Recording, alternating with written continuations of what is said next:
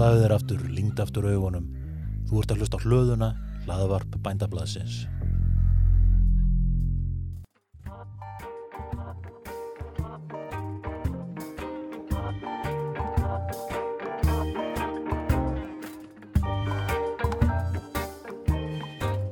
Gestur minn í máltíð í dag er Þráin Freyr Vigfússon sem er kokkur. Hann reykur staðina Súmak og Silfru sem er á Ían hótelinu á Nesafjöllum og síðast en ekki síst Óks sem er samkallað upplöfuna veitingahús með Íslands tráefni í forgrunni. Ferillin er uh, orðin langur og uh, flottur, uh, afreika listin ekki síður. Við ræðum aðeins um upphafið á ferlinum hans þráins keppnismatarillu sem að þráin hefur tekið þátt í mjög lengi og afrekað ýmislegt og þar má helst nefna kokkalandsliðið og búkustór og svo þetta ræðu við reksturinn hans og útgáfi á uh, gríðarlega spennandi matarillu bók um súmak og matinn þaðan og, og stefnuna sem verður örugglega eina heitustu jólabókunum í ár.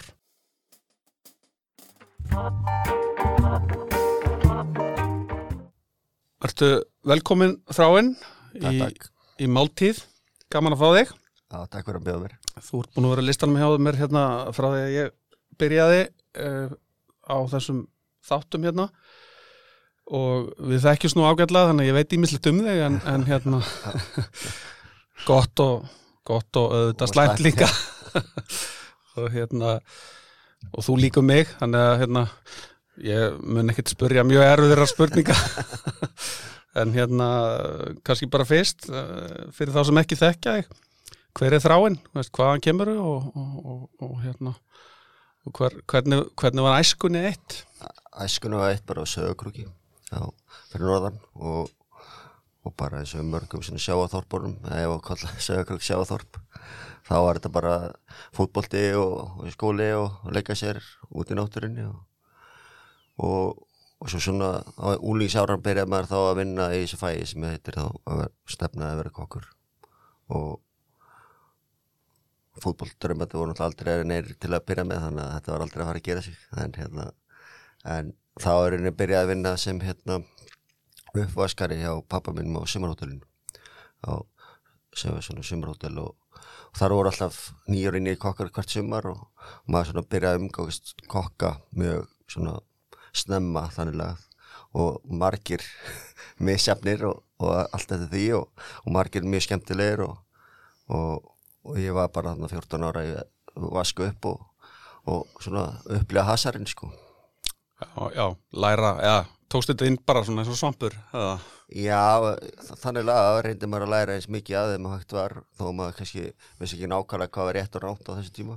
Og, en maður bara hasarinn í eldúsinu og þeirra kokkandi mistu stjórnarskapi sínu og allt þetta maður svona þetta var svona bara eins og verið ykkur svona reality tv sko, stundum og hérna, en ofta er þetta ekki var þetta samt rólegt og bara vel tempra eldús en, en já, ég myndi segja að þetta var svona fyrstu skrifin af því þessum var koma skildi að maður fór svona að hafa áhuga miklu meira á þessu heldur en kannski maður hafi gert í upphafi.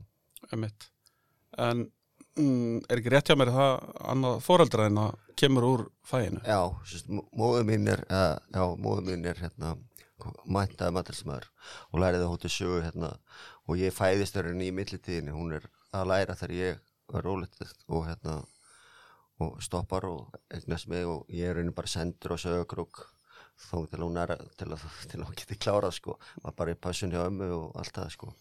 Þannig að já, þannig að þar kemur svona kannski grunninn og ég elst upp við eh, sem að segja bræðgóða mat og, og þannig að bræðskini kannski var, kannski þarf þetta ekki að kenna mér og mikið þar, maður hafði það svona inn í sér, eða svona, hafði alveg upp með að vita hvað er vont og hvað er úst, gott og allt það.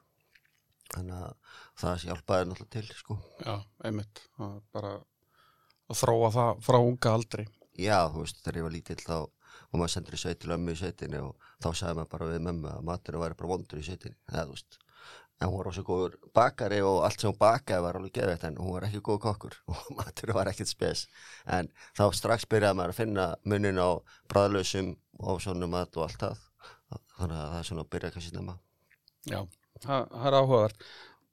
En svo ferðu, eins og, eins og við veitum, í matræslunám og, og tókstu þá ákvörðum bara þarna, veist, 14-15 ára eða, eða var, það, var það alveg bara búið að leggja það upp þá eða? Sko, ég hef alltaf sagt ætla að vera kokkur en ég var eiginlega ekkert í æsku að neitt að eldursunum með mömmu eða neitt, það var ekkert, þú veist þess að maður segir, ég sett, aldrei inn, inn eina tíma til að, að sína fram að ég ætla að vera kokkur. Og það er einnig bara gerðist þarna þegar maður byrjaði í uppvaskinu sko að þá átti að við sá hvað þetta var svona gaman og, og eins og flesti kokkar þá er maður kannski ekki hérna svona aðtíksprestur og skóli var kannski ekki alveg nummer 1, 2 og 3 hjá manni. Þannig að maður sá að þetta var kannski eitthvað sem maður gætt gert í framtíðinni og, og það er svona, já, eitt leir öllu en uh, sérstu mamma minn, hún sagði aldrei, vildi aldrei leiða mér að fara söður að læra kokkin fyrir ára tvítur þannig að hún vildi sjá hvert að virkilega ég vildi þetta ekki og ég hefði reyna ekkert að gera þetta 16 ára og það var náttúrulega örgulega alveg hár rétt sko. Já, já, það, er, það getur alveg passa. Og, og þá ferðu í nám og, og, og fer hvert?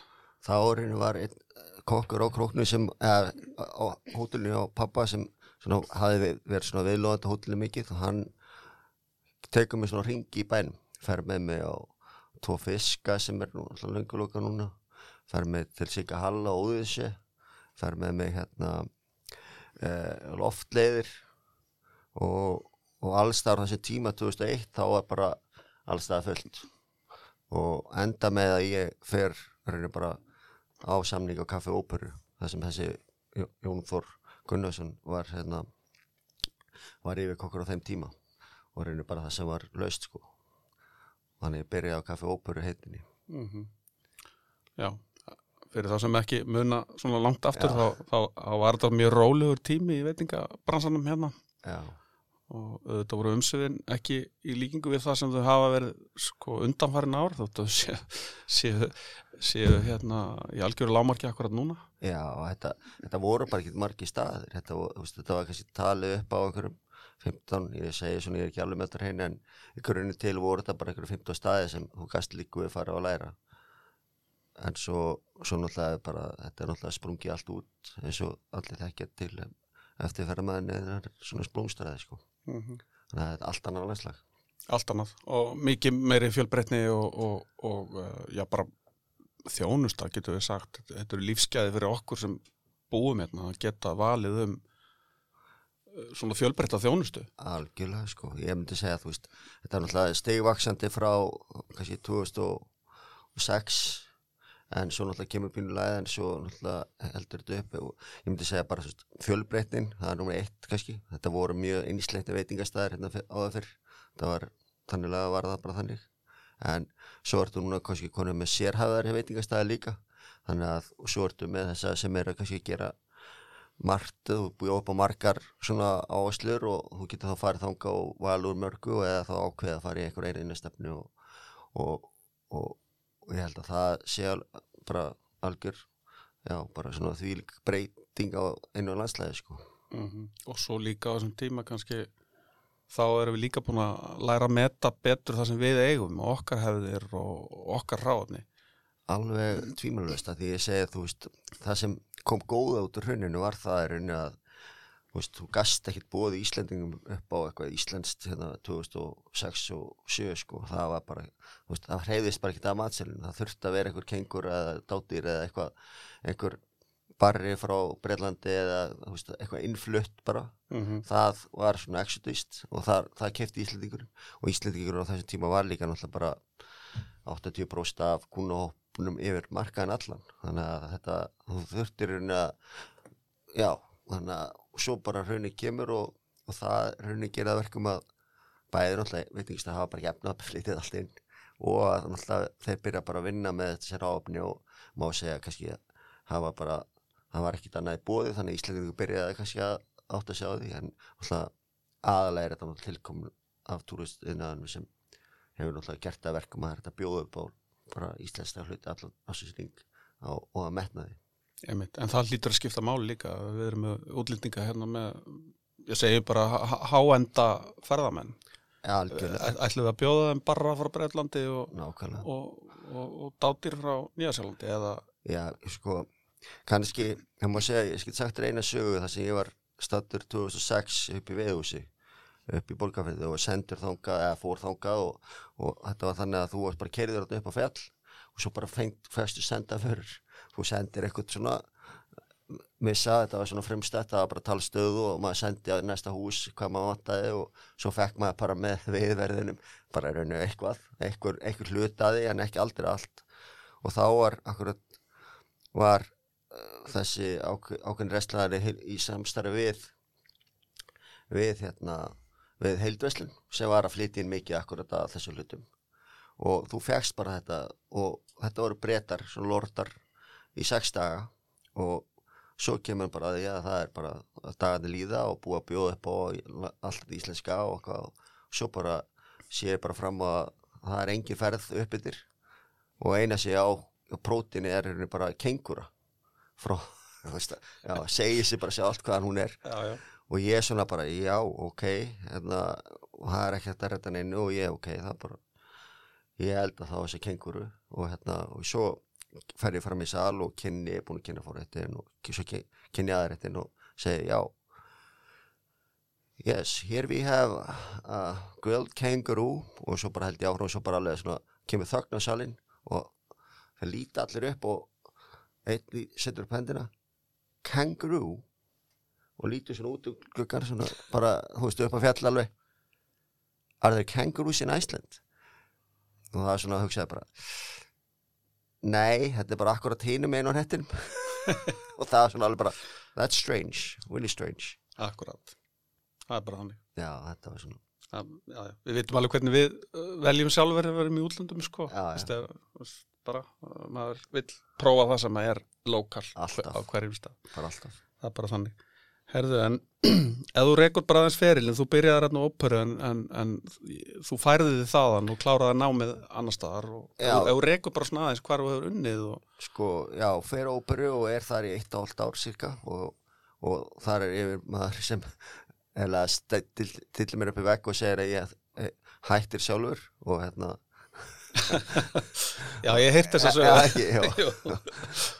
hérna já það var akkurat þú hálið og hérna og sendi mig bara, bara rakleis upp á hóttu sögu til Bjarnagunars og segi bara sé laust plás og ég er bara að byrja þar eftir sumarið og, það er bara klárt og, og ég er svo sem bara jánka því og, og fer eftir því og má segja að það sé svona kannski ákveð snúningspunktur í þessu öllu saman og þar klára ég upp í grilli hjá Bjarna og, allir því sem var í gangi þar og allir með sem frábæri matalsmunum og læri náttúrulega bara heil, heilan helling og, og, og það svona íti mér áfram í því að ég hérna, fer ælendis og við að með reynslu að vinna frítt og vinna í Fraklandi og út um svona kveppinu kappin í og, og held svo áfram þar í eftir útskrift.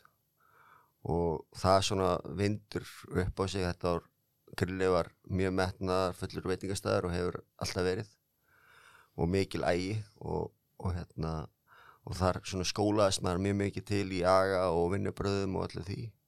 Og þetta var svona næstu svona, svona, það, það, það duttu margir út úr lestinni þarna þannig að þetta var, þú þurfti virkilega að standa til að með að vera uppi, má segja þannig. Og, og svo bara er eitt af öllu og Bjarni er náttúrulega mikið að keppni í öllum maturistu keppnum og maður svona ákveður að prófa það eitthvað og, og það svona má eiginlega íti mann ennþá lengra þar sem maður byrjar að hugsa um mat á nóttunni og kvöldin og alla dagina þegar maður að hugsa um einhverju keppni líka og, og líka náttúrulega bara hugsa um matseðlinn og, og grillinu og allt þetta. Þannig að það er svona vindur ennþá meira upp á sig og það má eiginlega þarna sóast ég bara algjörlega inn í ringiðina og, og hef vel ekki komist upp úr henni aftur sko. Má, já, og svo bara leðir maturstu keppnir á fættum maturstu keppnum og, og já, þannig að ég myndi segja að það var, var ég hérna frá 2003 til 2011 grillinu. Já, ég ætla að spyrja þess út í keppnis maturslinu á eftir betur en svo hættur nú einhvern tímann hérna á grillinu Já, 2011 hætti ég grillinu og fer þá sérst, fer með leif kendu við Laprimavera Leif Kolbjörnsson og hann ræði með sig yfir kokkur kokk hjá sér á nýju veitingastæði hörpunni sem var opnað þarna 2011 í mæ sem er kólabreyting þar er ég svona fyrsta skiptið yfir kokkur og með alltaf það ábyrð og, og setja upp svona kannski tölvöld breyttari matselin kannski var þá í Reykjavík með mikla áherslu á grammeti og, og, og þeim tíma var mikið þessi hérna, eh, elda undir pressu eða í vakuumbókum og elda grammeti þannig og, þú veist, og allt þannig að hérna og þarna varum við með grammetis menjú grammetis rétt á seðlinum og hérna kannski eitthvað sem var bara ekki til þú veist það var ekki í gangi þá í Reykjavík og er þar í tæp þrjú ár já, heldur tvö og halvt ár tæp þrjú ár. Og fer þaðan ráðan þaðan upp í upp í hérna Blálón og, og þá var uppgangurinn alltaf að verða mikil þar og, og þar er ráðan sem yfirkonkur ásamt Viktori og Inga. Og er þar í þrjú í alltaf allir þessi spúm, búmi sem Blálóni var þar og, og var mikið æfintýri og, og maður læriði mikið. Mikill uppgangstími þarna. Já, og, og er þar frá 2013 til 2016 cirka já. Og þann fer ég það þessa hugmynd mín að opna Sumak og Oaks veitingastæðina sem ég er að reyka í dag. Já. og er svona, já, síðan 2017 Mm En svo að því að þú nefndir aðeins veiðuhúsin, ég veit að þú ert búin að vera við, viðlóðandi veiðuhúsin bara alla, allan þinn feril. Já, og verið að reka, reka, hérna, húsin líka, veist, allan á, stóran hluta þessum tíma.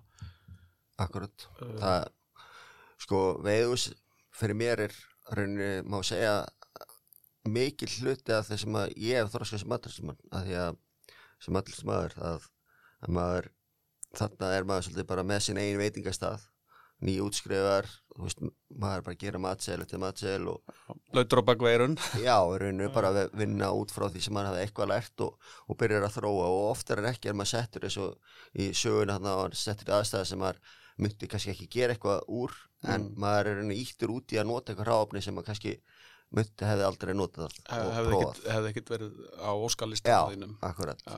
og þá var maður að byrja að prófa sem hluti og gera hluti sem maður var kannski bara settur út fyrir kassan í og margir réttir sem maður notaði setna meir komulega út frá einhverju þróun og einhverju sem óvart eða eitthvað sem maður gerði upp í veðusum og, og, og maður svona læriði á reksturinn að halda ráfni og pantinn og vinna þetta tætli og, og, og líka þú færið þetta svakalega hérna, þú færið þetta beint í æð frá Já, gestinu og fara endurgjöf bara Já, alveg um leið. og veist bara nákvæmlega hvað, hvað þetta var lægi og það gerir líka það þú ert vilt alltaf vera að gera betur og þannig að þú ert alltaf að reyna að bæta í hlutunum og, og það er bara endurgjöfun sem gefur það Mm og, og þú getur ekkert falið heldur, það var Nei. ekki annar að, að gera hluta af matnum, þannig að ef þetta er flott eða ekki í lagi þá er það bara einn sem að, hérna, er ábyrgur sko. Já, flott. Herðu, en ætla, við förum þá hérna, bara spyrja það eins út í keppnismatursluna. Við hérna, við hérna, sko, og kannski bara smá fyrirvari, við þekkjum þennan heim ágætlega báðir Akkurat. og höfum komið að verkefnum þarna saman, sko. En hérna, það er ekkert allir sem þekkja hann heim. Þetta er, þetta er svolítið svona lokað mengi sem er að starfa inn í þessu þessum heimi hérna auðvitað erum við örþjóð og allt Já. það og við erum ekkert svo mörg í þessu fægi og, og, og svona svona kannski smá svona engangur að það er drefild fólk sem er bara ungt sko Akkurat.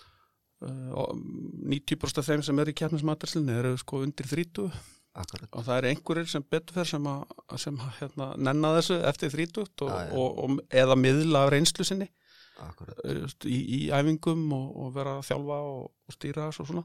En sko hverju skiptir keppnismaturslan persónulega fyrir þig og, og bara fyrir matursluna og, og aftur sko þessi örþjóð okkar er merkjald nokk með þá sögu síðustu 10-15 árin að vera á topp 10 í öllum alþjóðlegum keppnum, kokkalandslið og búkustór og einstaklingskeppnum líka Ja. þeim sem höfum tekið þátt í og svo erum við á topp 5 í rauninni bara síðustu örfa árin síðustu þrjú, fjögur uh, fimm árin kannski.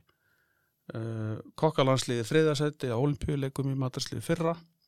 Uh, Viktor Örn uh, vinnur okkar í þriðasætti í Búkustór keppninni 2017 og núna bara fyrir örfáum dögum eða vikum síðan þá var Sigur Löfdal í fjórðasætti í Evrópukeppni í Búkustór þar sem þú varst nú reyndar með í teiminu sem Já. þjálfari. Já.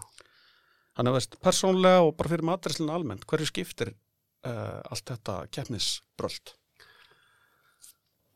Ég myndi segja svona, þetta er náttúrulega pessumundið en, en matreislan fyrir þá sem kannski hella sér út í sem matreislu keppnir og alltaf gefur það sem kannski líst hann að þú ert svolítið að hugsa um hluti daginn út einn, þú ert eru svolítið dregin inn í hana á okkur hluta til en, en það gera það verkum á hausinu það er bara að matreislu út eitt, eitt og eitt og hérna og það ítir náttúrulega undir það það segir bara eins og á fútboltanum eða út að æfa þig alla daga þá hérna þá ertur alltaf að hérna, vera betri í einhverju. Þú ert þá allan að prófa að skjóta yfir eða, eða ekki halda á lofti en þú allan að reyna það.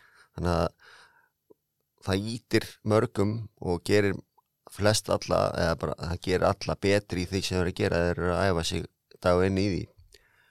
Uh, hún ítir náttúrulega undir svona það má segja vitund, ekki vitundavakning, hún ítir undir uh, hvað matreislan og náttúrulega veitingabræðsin verður sínilegri uh, ungi krakkar þeir sjá einhvern standa velun á pall í einhverju eins og vin, vinna fótbollaleiki uh, það gera verkum að ungi krakkar vilja fara í fæið þeir fáum þá fleiri sem langar að vera kokkar eða, eða veist, vinna í fæin okkar. Og það ítir náttúrulega undir að við fáum gott fólk. Um, framþróun íslenska matrislu á líka eitthvað, það er eitthvað taktur í því líka, má segja með, með hérna, öllum þessum að því að öll þau þekking og allt sem hefur verið við að sér í kringum þetta, þetta smita sér allt inn á alla þessa veitingastæði og mikið að uppskriftum og mikið að þekkingu sem hefur bara verið tekin úr búkustór til dæmis og öllum þessum keppnum hefur enda á matsælum út um allar Reykjavíkuborg uh, og svo bara spilar þetta þekkingin sem snýst um það þetta snýst um að, að veita svona feedback að hérna það sem ég er að leita er að, að þú alltaf gefa af þeir tilbaka það snýst um að næsti maður sem fer á eftir þér í búkustóri eða landslinu hann fær þá reynslu meiri menn sem hafa kæft áður til að koma til með sér og hjálpa sér í hlutunum og, og, og þannig verður til stærri banki af þekkingu sem nýtist náttúrulega í þessu keppnum og svo síst eftir síst bara sem dreifir svo um allar veitingu sem markaðin og keppnismatresla er gríðarlega mikið vel, er svona dóra á Norðurlöndunum, þetta eru löndin sem hafa verið að ná mestum ára þessu. Og það er rauninni bara einn ástæða fyrir því að því að það er þekkingin er innan hópsins. Flest öllu löndum er þetta þá einhverja einslingar sem detta út og svo glatast þekkingin milli keppna. Og ekki að, að lönd út í heimi sé ekki með frábæra veitingastæði, það er öll lönd með mjög frábæra veitingastæði, þetta er bara eitt af okkar vopnum sem við no- nota til að ná í þekkingu og, og náttúrulega tengsli við umheimin. Einmitt. Þannig að hjá eftir þessu hérna með Norðurlöndin sko, við, við höfum svolítið unnið í þessu já, þessum heimi, þessum keppnis matræslega heimi unnið með smæðina, veist, við nýtt smæðina sem styrk Já. og, og Norðurlöndin veist, bara í heilsinni er, eða veist, hvert og eitt Norðurlandan er örþjóð í rauninni í alþjóðlegu samhengi en það er gríðælt norrænt samstarf í þessu Já, já. veist, og, og, og menn eru alveg tilbúinir að deila upplýsingum á milli og, og menn eru að koma til þess að kíkja hverju aðra og, og leiðbina í, í því hvert og hvernig ég gera hlutina Akkurat. og við höfum nýtt það mikið hér Já, við, það er svona, það er líka, það má segja að matreisla eða hvað sem það er ert að gera í lífinu, að þú þarft að taka það að auðmygtin að, að fá, fá, fá sko kennslu eða fá hérna, leiðbenningar er eitthvað hluti sem gerir það verkum að þú verður bara ennþá betri. Akkurat, að, að leita, leita eftir upplýsingu leita eftir þekkingu það er eins og grunnur að því að þú vaksir í þínu starfi hvaða starf sem það er og það er svona grunnur að því að þú ætlar að ná einhverjum árangur í hverju sem það er að þú eru að leitast eftir þessa þekkingu og það gerir þið bara betri Akkurat, ég segi nótt fyrir fólk að það segist við mig vitt allt um eitthvað ákveði sko, getur verið hvað sem er sko. Já, já, algjörlega. Að þá þarf það mjög líklega bara fyrir að finna sér einhvern annan vetang því að sá sem þykist vita allt hann er komin á endastöð. Akkurat. En já, þannig að keppnismaturislan, svona ef við drega þetta bara saman þetta skiptir máli um, það verður til greiðalið þekkinga þetta er raunin bara vöruþróun þetta er vöruþróunarverkefni inn í þessum keppnis eldhúsum eða sem sagt æfinga eldhúsunum. Algjörlega, og, og svo það að, að, að keppnismaturislan er bara veist, keppni í hvaða fæi sem er uh, skapar uh, fyrirmyndir. Akkurat. Veist, jákvæðar fyrirmyndir og, og með þessari vöru þróun og með því að það kemur ungt og efnilegt fólk sem menta sig í fæinu þá, þá er þetta rauninni bara á þess að ég ætla að fara að slá hann í Excel þá er þetta bara rauninni fengur í tekjum fyrir þjóðabúið Ja, algjörlega, algjörlega. Þetta er, þetta svona, þetta byggir grunninn að vissleiti og þetta er eitt af stólpónum í grunninum, þetta er ekkert allt en, en þetta byggir og byggir, þetta byggja vel ón og allt svona mm -hmm. mitt. Sko, uh, ef við bara tökum aðeins bara um keppnirnar, uh, keppnisstarfið, sko, ef, ef þú segir mér bara aðeins hérna um, á sjálfu þér, sko, veist, hvar, hva, hvaða keppnin þú keppt í og ef við byrjum bara á kokkalandslið, veist, hva- hvar hefur þú keppt og, og síðar þjálfað, veist, í hvaða keppnum? Ef þú manst þetta allt saman, þetta er svo Sko- langur listi. Já, kokk, sko ég byrjaði 2008 og keppið þá er ólipileikunum þar og, og svo keppi ég rauninni ekki aftur með kokkalæslu fyrir 2014 Já, þó ég hafi verið innviklaður þá dettur fer ég að keppi í sérst búkustór þarna á milli. Búkustór 2011 og, og þá dettur 2012 út hjá mér og er með landslinn alveg að keppninni en, en dett svo út og Ég get glattið með því að kokkalandslið keppt ekki 2012. Já, það er rétt, það er rétt, það er rétt. Það, var- það var einhver... Já, Það var það, já, það datt út en 2010 og þá datt ég út úr já, Og, og svo tökum við við kokkalæðsliðinu 2014 ég og Viktor. Og þú kemur okkur með sem fórsti klúpsins á þeim tíma. Og við byggjum reyni bara upp þarna alveg nýtt lið. Og keppum með bara unga kokka með okkur og, og lítil þannig keppnis reynsla í kokkalæðslis nema bara ég hafi keppt og, og Viktor hafi séð keppnina mhm, og, og, og við náum bara mjög góðum árangur í þeirri keppni það er fymta sætið á heimsvöldarmóti. Já. og það var besta árangur Íslands hinga til Mhm. þa þá sko uh, og svo rauninni keppu aftur hann 2016 það er þá mitt síðasta kokkarlæsismót Mhm.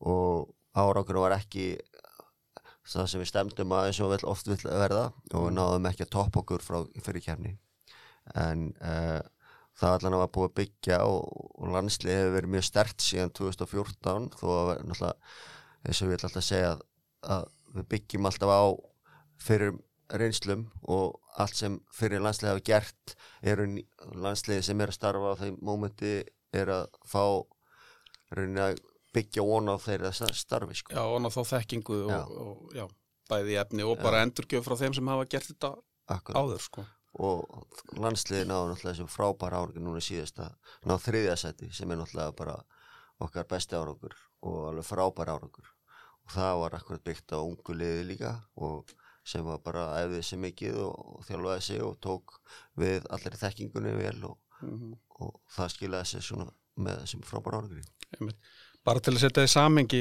sko, þetta fólk sem tekur þátt í svona, þetta eru fleiri hundur klukkustundur á ári sem fólk þarf að æfa fyrir svona keppni. Já. Það ekki satt? Já, bara þetta er rosalega fórun Já, og það er allir hægt að vinna uh, vinna hérna, fullstarf með Já. og eiga fjölskyldur þannig að þetta er alveg alveg hérna, mikil fórn og, og, og, og náttúrulega bara þú ætti að vera staðráðan í því sem þú ætti að gera og hafa trú á verkefninu og þegar þú ert með hóp þá snýst þetta allt um að hafa alla vera að vinna í sem áttina og vera að vinna og, það hafa allir eitthvað með málið að segja líka já. Það er kannski áhugavert um þetta því að kokka landslið, þetta er svo, svo margir einstaklingar að, að hérna, það er sömu spurt mér byrju af hverju er ekki veist, fólk hefur kannski eitthvað hugmyndum hver eru tíu bestu kokkalansins hverju sinni, af hverju er ekki tíu bestu kokkalansins í liðinu? En ég stundur reynd að útskýra fyrir fólki, það, það er kannski ekki raunhaft, veist, þetta er kannski eins og, eins og sum stjórnum fótboltaliðin í útlöndum að Já, það er ekki víst að menn gefi boltan af hvern annan ef þeim líður öllum eins og þessi stærsta stjarnan já, já, í- inn á vellinum. Þannig að liðið er oft valið saman sko af blöndu af reynsluboltum og fólki með ólíka sko hæfileika og eiginleika akkurat. Þetta er bara nákvæmlega þessu. Þú þarft að hafa varnamenn og þú þarft að hafa miður sem hleypur allan leikinn og þú þarft að hafa, þú veist, svo manni sem gerir og kreatar hlutin og mm -hmm. þetta er bara svo eitt sem svipað pota hlutur. boltanum bara Já, býður bara að pota boltanum já, já, það flott, svo hérna auðvitað hefur þú líka keft bara sjálfur, bara solo einstaklingskeppnum og hérna varst kokkur ársins hérna heima á því herras árið 2007 minnum mig.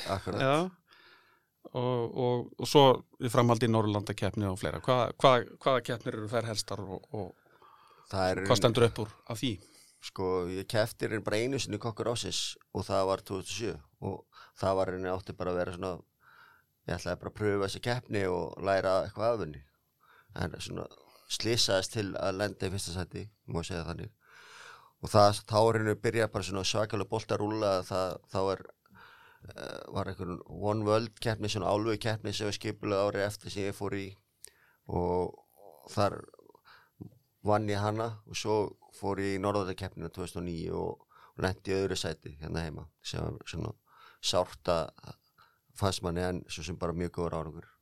Og, og svo tek ég það skref að fara í Búkustór 2011 sem er mjög stórt skref og mikil svona, þú veit bara einblýna það í tvö ár, þú vinnir náttúrulega með því líka klálega en, en þú veit að fórna miklu peningum og þetta fórna miklu og þetta er rauninni bara svona passion að, að þú vilt bara fara á þetta svið sem er náttúrulega stæðsta mataliskeppni í heimi. Mm -hmm. og, og við höfum náður ára að gera þessari keppni og, og stefna á alltaf sett sátt og alltaf en á enda ég sæti sjö þar. Já, og þar situr við hérna, einstakkeppninnar hjá mér. Og hérna en svo hefur maður bara tekið þátt í náttúrulega búkustóra akadíðan sem heldur utan um alla kandidatana sem Mhm. keppa.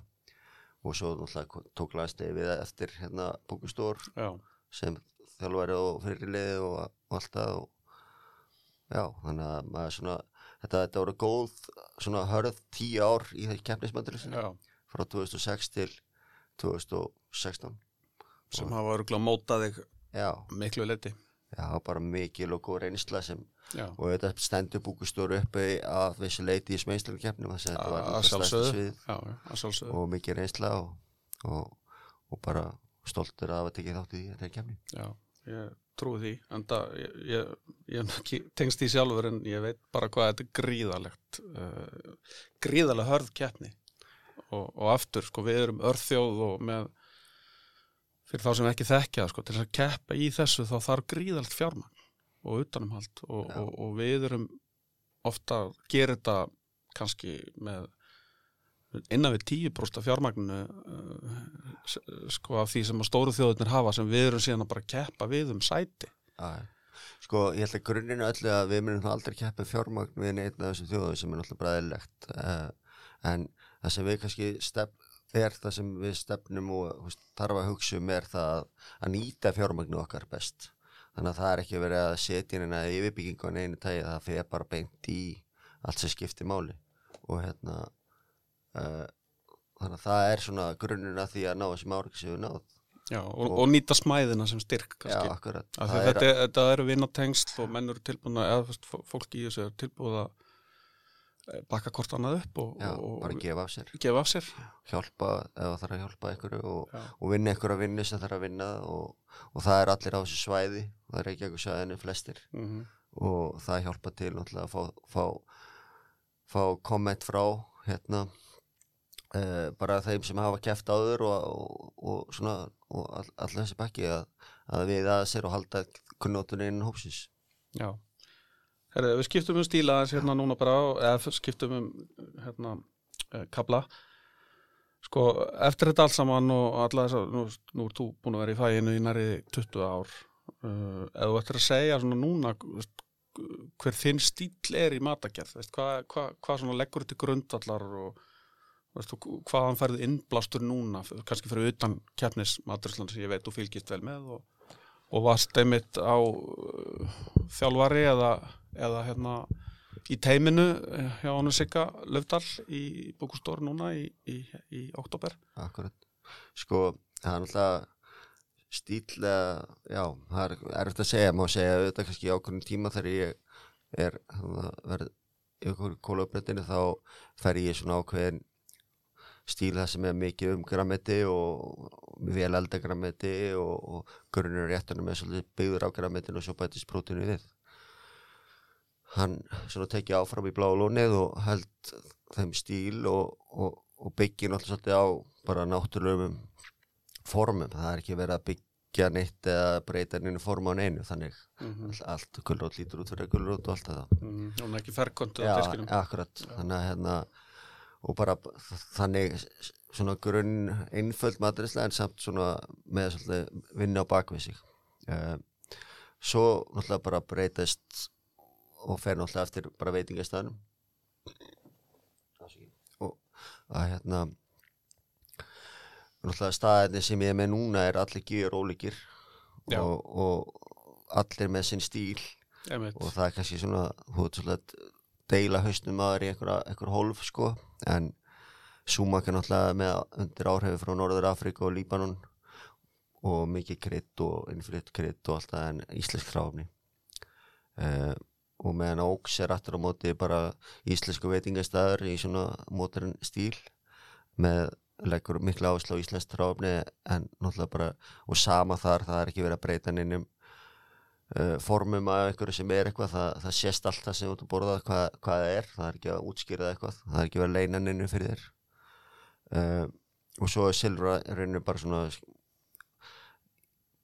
klassiskur hótelveitingastæður með svona skandinavistu áhrifum. Mm -hmm. sækir ráöfnu hér að og fyrir það sem ekki vita hvað Silvra er þá er hún á Nesjavöllum. Já, það er hótelveitingstæðar á Íon hótel Já, einmitt. Sem er að reyka innan sem að batterís og, og, og hinn í staðinni er tveir Sumak og Óks þeir eru á lögavi Já. Og, og hérna bara aðeins fyrir þá sem ekki þekkja Óks það er mjög margir auðvitað sem þekkja Sumak og vita, vita hérna hvar hann er og hafa heimsótt hann.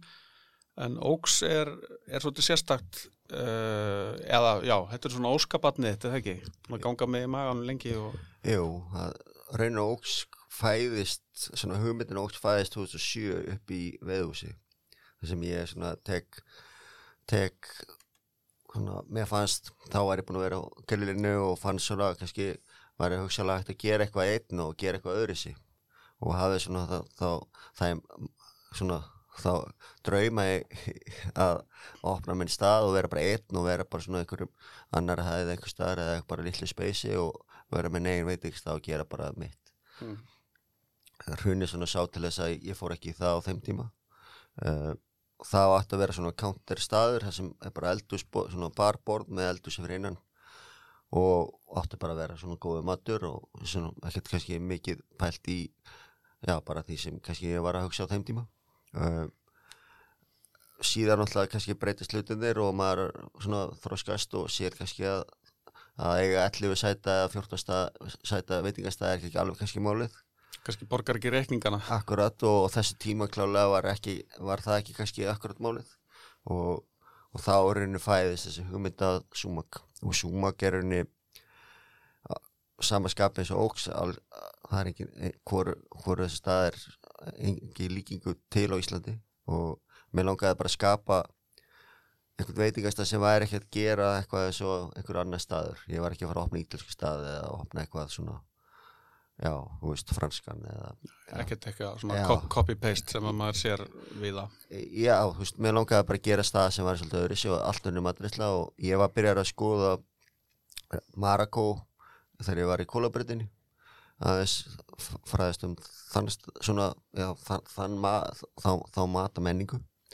Og, og það svona leiðir að ég er forvitin og alltaf þegar ég ferðast og ferðast mikið og, og þá er ég alltaf að leiti upp í svona staði og, og í, í huga mínu var ég að fara að opna einhvern margons stað með svona einhverjum trendi áslum uh, það breyti svo eftir að maður byrjar að rannsaka þetta meira og byrjar að kynna sér þessa matrislu og ferðast og farin á veitingastæði og, og kynnast fólki að, að þetta var svona miklu víðara og meira út í Lebansk heldur en kannski já, Marokko en hugmyndi bara var það að vera með stað sem væri bara með mat sem væri allt öðru sig, hann er einfaldur, hann er hollur, það er lítið smjör eða rjóminótar, þetta er jógurt og þetta er ólíusósur og allt þetta og, og tahína er mikið notað og, og, og grillið nota óspart og mikið græmiti, mjög mikið græmiti og hérna og staður myndi ég halda sem hafa fallið alveg vel inn í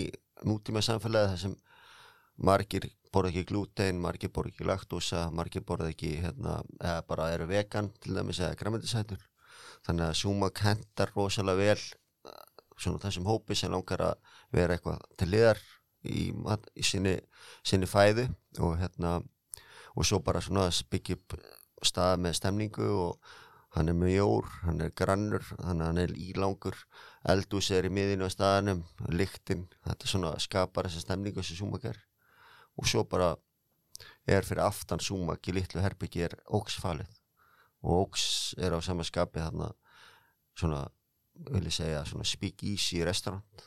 Já. ef ég útskýri það, þá er á bannárunum í bandaríkunum, þá eru speak easy barir. Og það þýðir að þú máttir ekki tala háttu á en þú, þeir, þeir voru svona hvað sem var bári smilli manna af, af sögum og, hérna, og þessi staði voru faldir að bak við hárklippistofur uh, þóttahús og símaklefa og allt þessu þar og það má segja að óks sé þessi spíkis í restaurant sem er falin á bak við súmak það er ekki skilt um óks við auðlisum ekki óks óksirinn er bara svona word of mouth þessu segja og fólk heyri af og, og þannig hefur hann vaksið þessi, þessi þrjú ár sko. Já, einmitt. Fólk getur fundið hann á netinu. Já.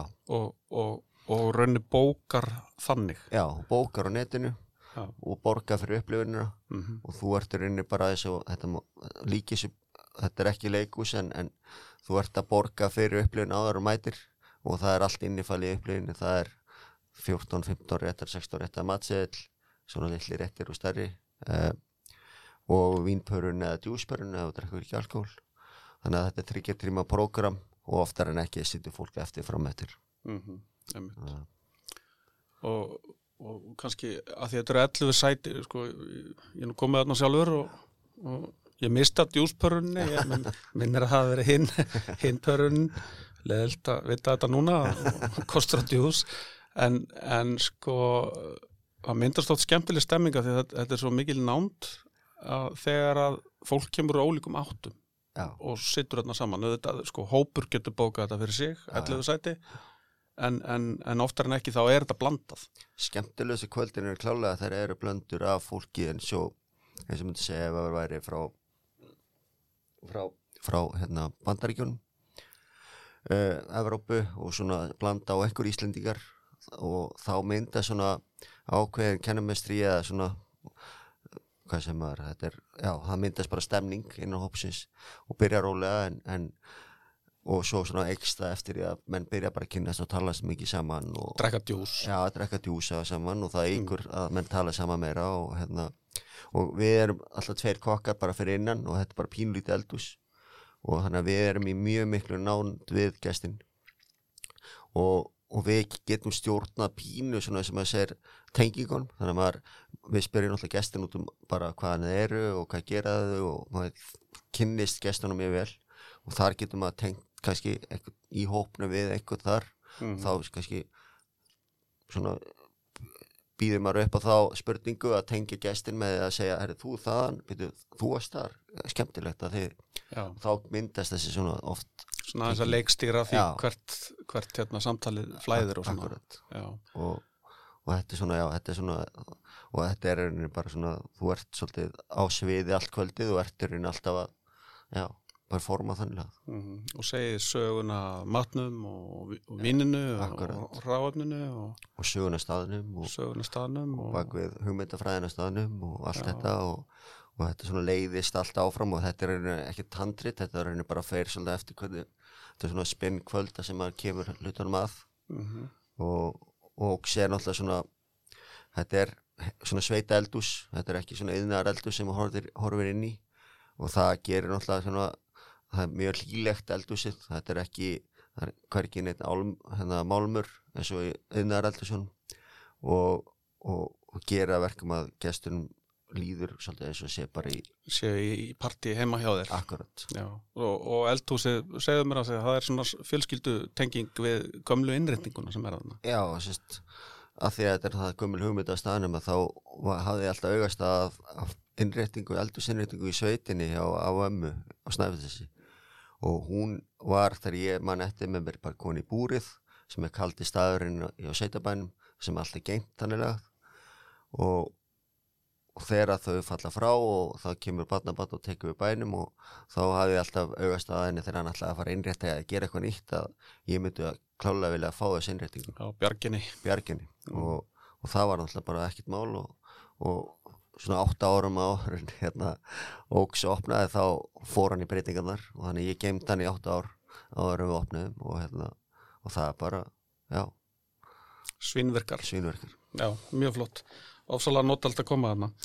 Herðu, já, þá hérna, um, sko, ef við, ef við svona aðeins pælum í, hérna, tökum aðeins svona íslenska beigju, hérna, og ræðum aðeins bara hráefnin og, og, og hérna, veist, hvað, hvað við höfum upp á bjóða og kannski, sko, ef við höfum skoðun á því, veist, hvað getum við bætt, eða, eiga til dæmis bændurnir eiga þeir tækifæri í sko, breytingum í því sem þeir bjóða og, og, og, og, hverju skiptir veist, sérstaðan eins og bara þegar þú ert á óks eða, eða mitt súmak að geta sagt við kúnan veist, gulrótin er úr hún er frá flúðum frekar en Hollandi eða eitthvað veist, hverju skiptir þetta alls saman?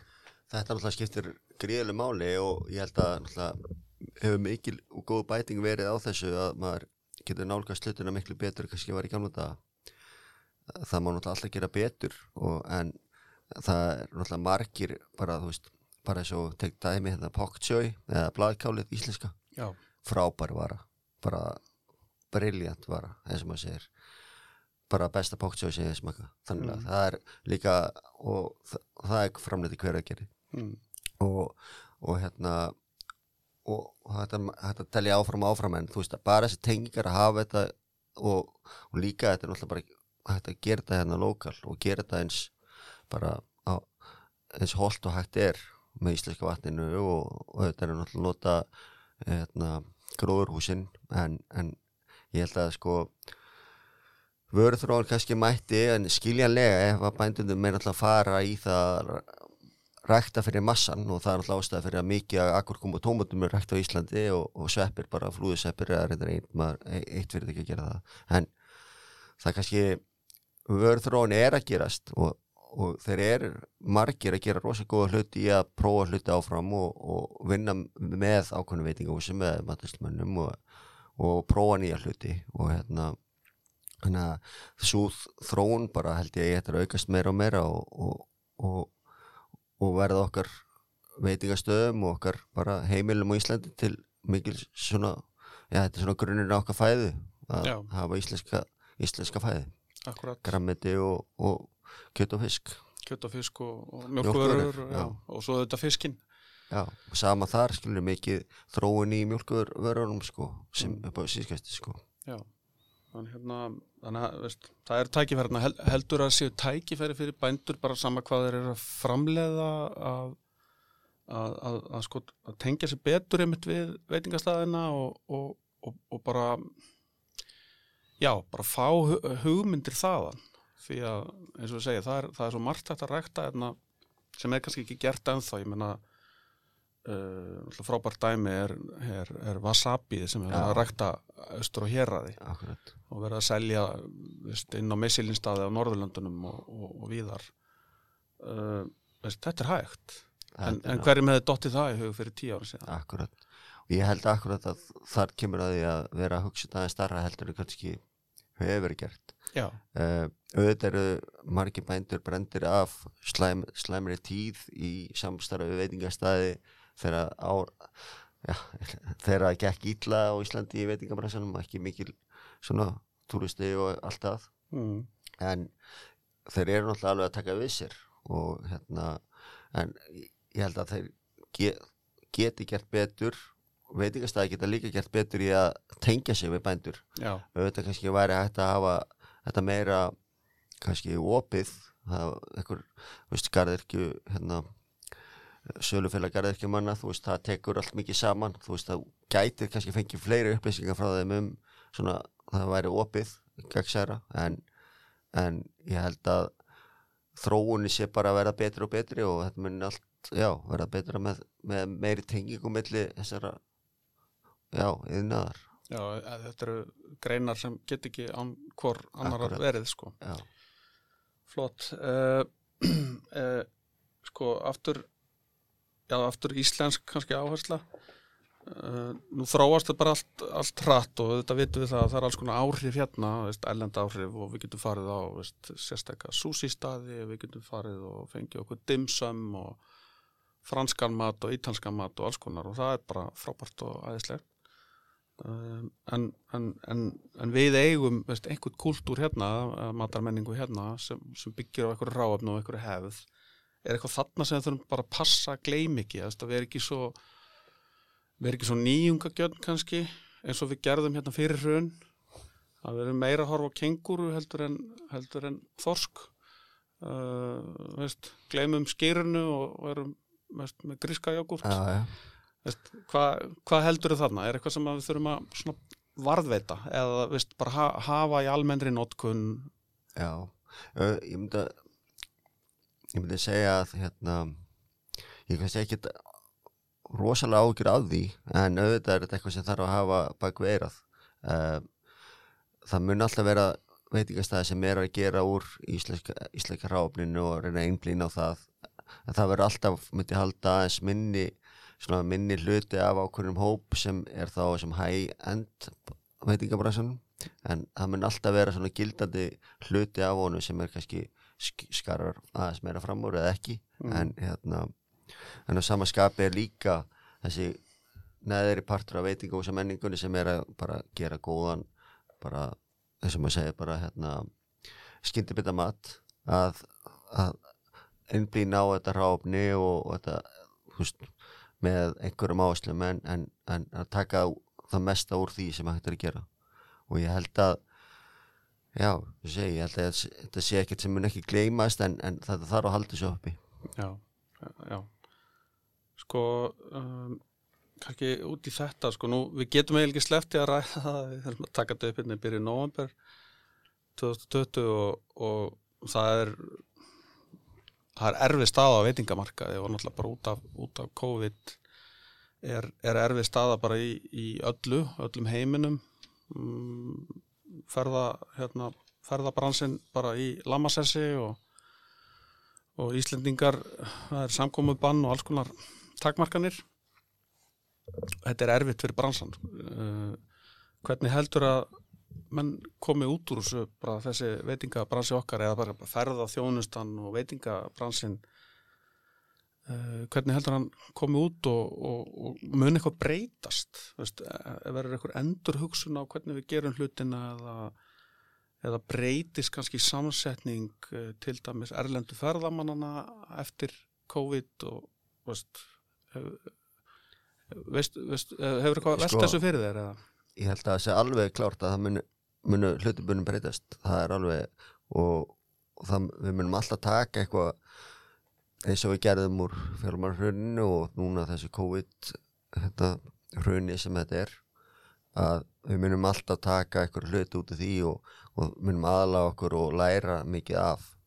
Að því sögðu er náttúrulega klárt mála að þetta mun reynsa út ákveð hluti af bara að ferða þjónustu fyrirtækjum hóteli, veitingastæðir eða, eða alltaf og hérna ég held að svona sko það mætti náttúrulega eins og all, alls þar í heiminu það er allir að díla við þetta. Við höfum parist ákveðlega í þessu og gert vel.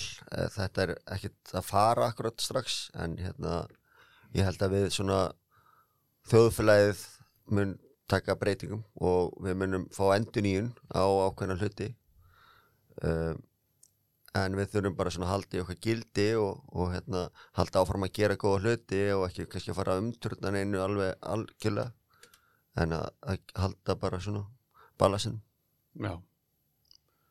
En, en heldur að sko ferðamennin sem koma þarna fyrst þegar, þegar vonandi sko leysist að næsta ári og við fáum bóluefni og, og svona sko þegar ferðamannskan fer að stað heldur að, heldur að við sjáum öðruvísi ferðamenn, öðruvísi samsetningu, öðruvísi hegðun, öð, öðruvísi kannski eðslu já, hjá þessum hópi, veist, hóp, hóp veist, það er margir sem spá, spá, spá í þetta veist, verða verða færri ferðamenn sem hafa lítið á milli handana því þetta er þannig að það er fólk á, á svart að binda við Já, og, og þeir sem hafa minnstar tekjurnar þeir, þeir verða verst fyrir því. Já Jú, ég held að það sé nokkuð ljóst að það gerist sko. Að fyrstu ferðamenn sem koma á stað verða ekki þeir sem eiga já, sem munu eigða kannski meiru.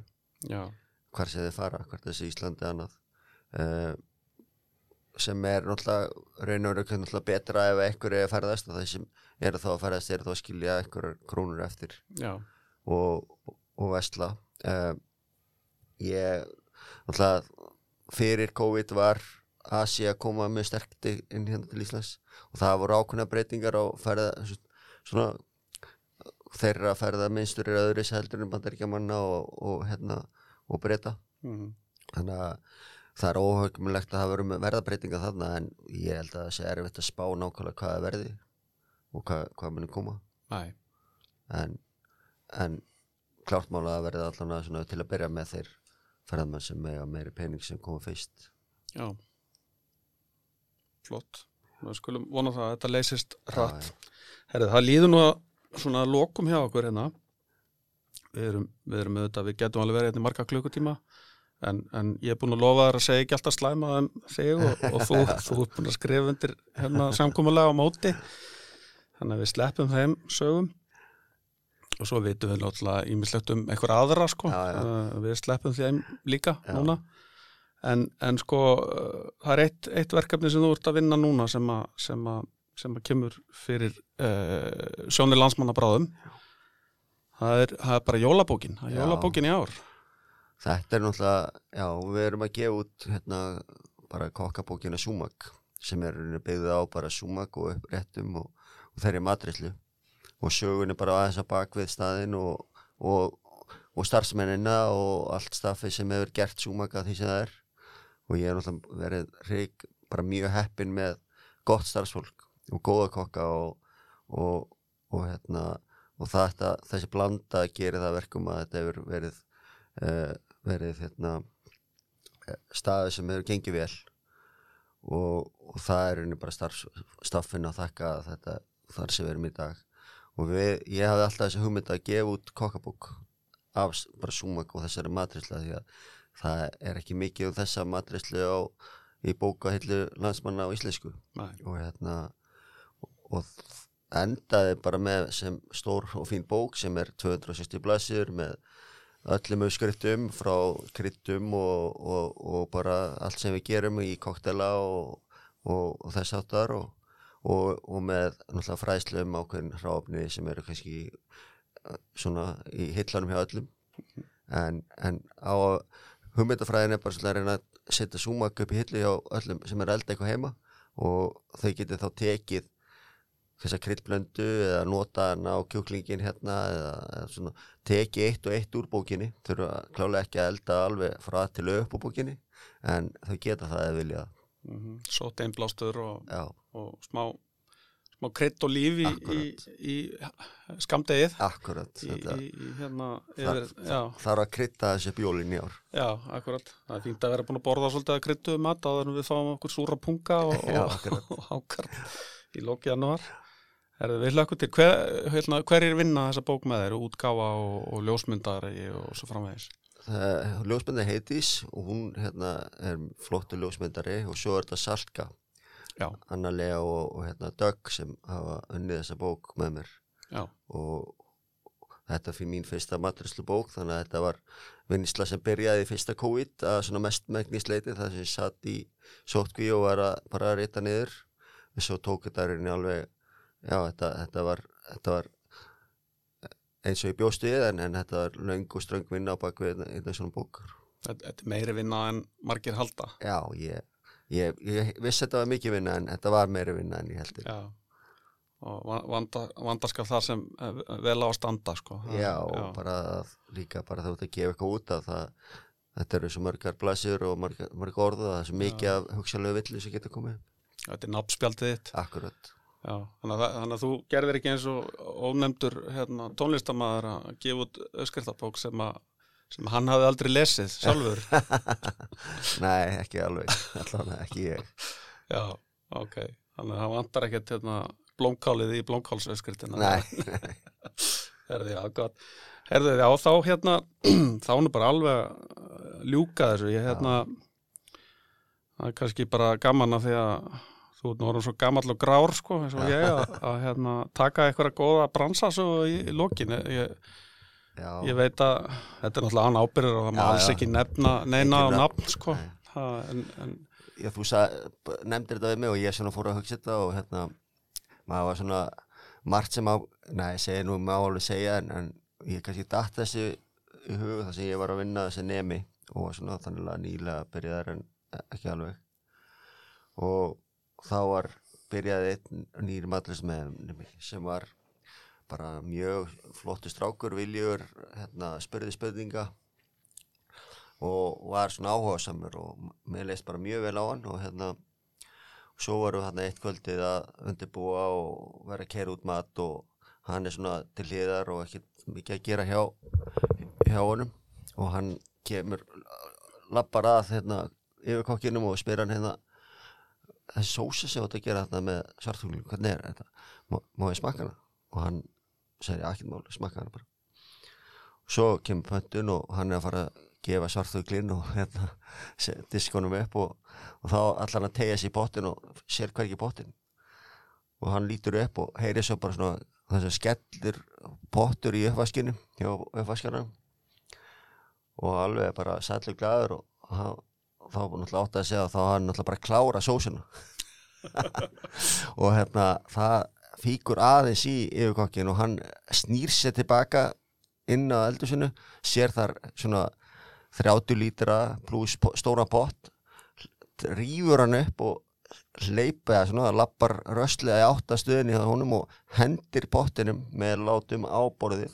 Það sulla svolítið upp úr og smakkaði þetta helvitið en, en já, þetta var hittalegsis en þetta var, þetta var, þetta er góð saga og, og það hefur verið vel meint. já, mjög vel meint og hann, hann, hann endaði vel þessi strákur og er góð í dag þannig að þetta er ekkit Já, já, það var ekki skaðan, ekki til lífstíðar. hann, hann kláraði samt ekki súbuna Ekki þennan dag allavega. nei, Nei, nei, það er gott.